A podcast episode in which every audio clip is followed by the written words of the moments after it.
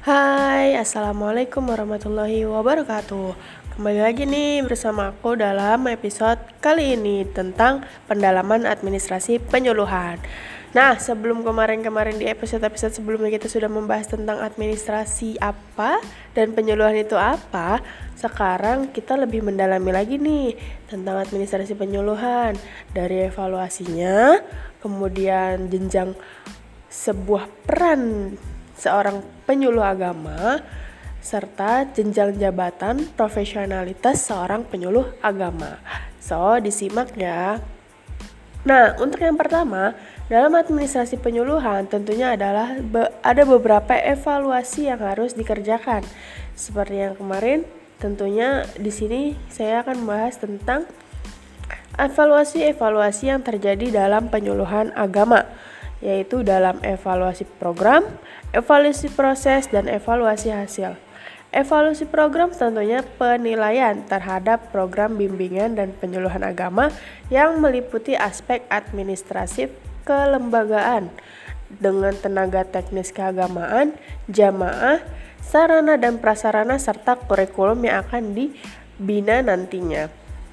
Evaluasi program terjadi ketika ber, uh, program yang kita ciptakan, program yang kita rencanakan telah terwujud, lalu kita evaluasi di akhir agar ke depannya menjadi lebih baik. Kemudian ada juga evaluasi proses. Evaluasi proses ialah penilaian terhadap pelaksanaan tugas individu atau kelompok, terutama terkait disiplin dan upaya yang dilakukan jamaah dalam kegiatan bimbingan dan penyuluhan agama. Dan yang terakhir adalah evaluasi hasil. Apa sih evaluasi hasil?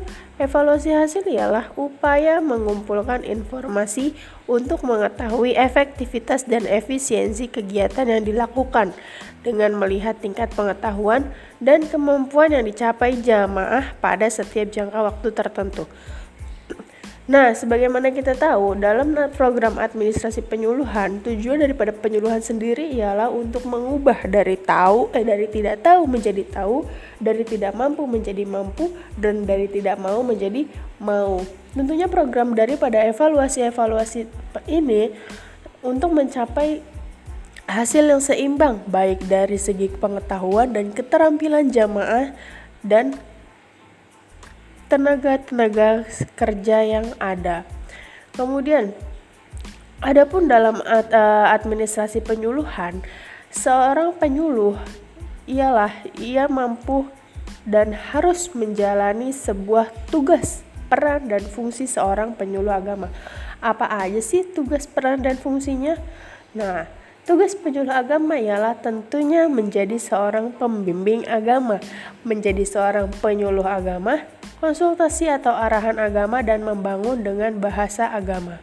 Jadi, dia bukan hanya seorang konseling, konseling umum tetapi juga dengan bagian daripada keagamaan itu sendiri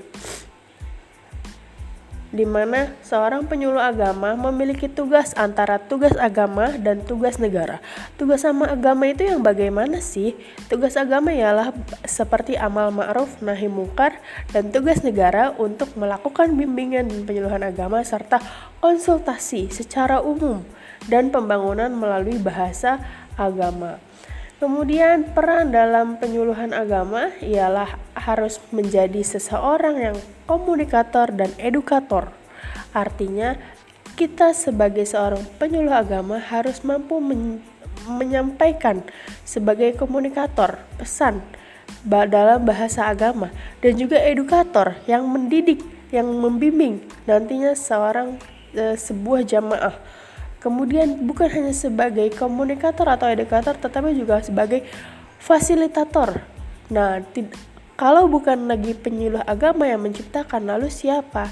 Dan yang terpenting adalah seorang penyuluh agama harus mempunyai se uh, sebuah motivasi menjadi seorang motivator bagi jamaahnya kelak. Gitu. Kemudian apa sih fungsi penyuluh agama? Tentunya fungsi penyuluh agama yang utama adalah konsultatif sebagai konsultan bagi jamaahnya, sebagai advokatif dan juga dan pastinya informatif serta edukatif.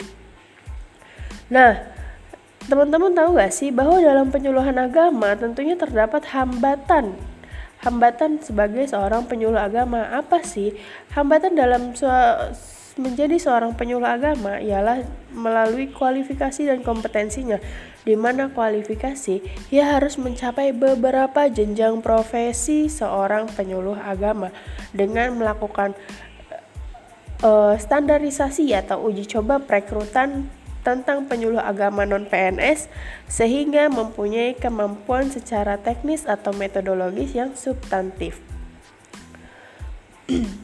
Dan syarat daripada penyuluh agama yang profesional tentunya dia harus tahu, mau, dan mampu. Bagaimana dia bisa mengubah seseorang kalau dia tidak mengetahui pengetahuan apa yang akan diberikan nanti oleh jamaahnya.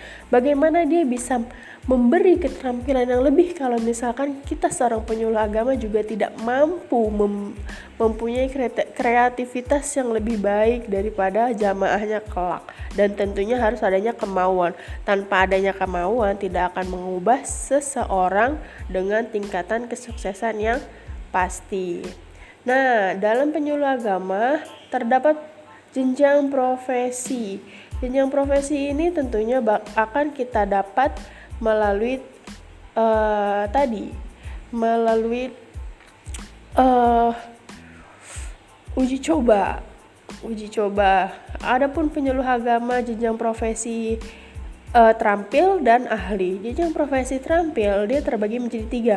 Adanya penyuluh agama pelaksana penyuluh agama pelaksana lanjutan dan penyuluh agama penyela dan ada juga jenjang profesi daripada penyuluh agama yaitu penyuluh agama pertama, penyuluh agama muda dan penyuluh agama madya. Tentunya semua ini terbagi menjadi ada yang tiga golongan, dua golongan gitu. Mungkin itu aja yang bisa saya sampaikan. Oh ya, yang terakhir adalah dalam program administrasi penyuluhan harus terdapat teknik-teknik evaluasi tadi. Kita mengambil dari mana sih evaluasi yang tadi? Bagaimana sih kita mengambil evaluasi secara menyeluruh? Tentunya dengan beberapa cara pengambilan data. Bisa dengan teknik evaluasi partisipatif bersama langsung dengan jamaahnya, bisa dengan kuesioner atau angket, bisa dengan wawancara dan pengamatan. Mungkin itu aja yang bisa saya sampaikan, kurang lebihnya mohon maaf. Semoga bermanfaat. Sampai ketemu lagi di episode selanjutnya. Masih ada episode-episode selanjutnya, tetap ditunggu. Wassalamualaikum warahmatullahi wabarakatuh. See you.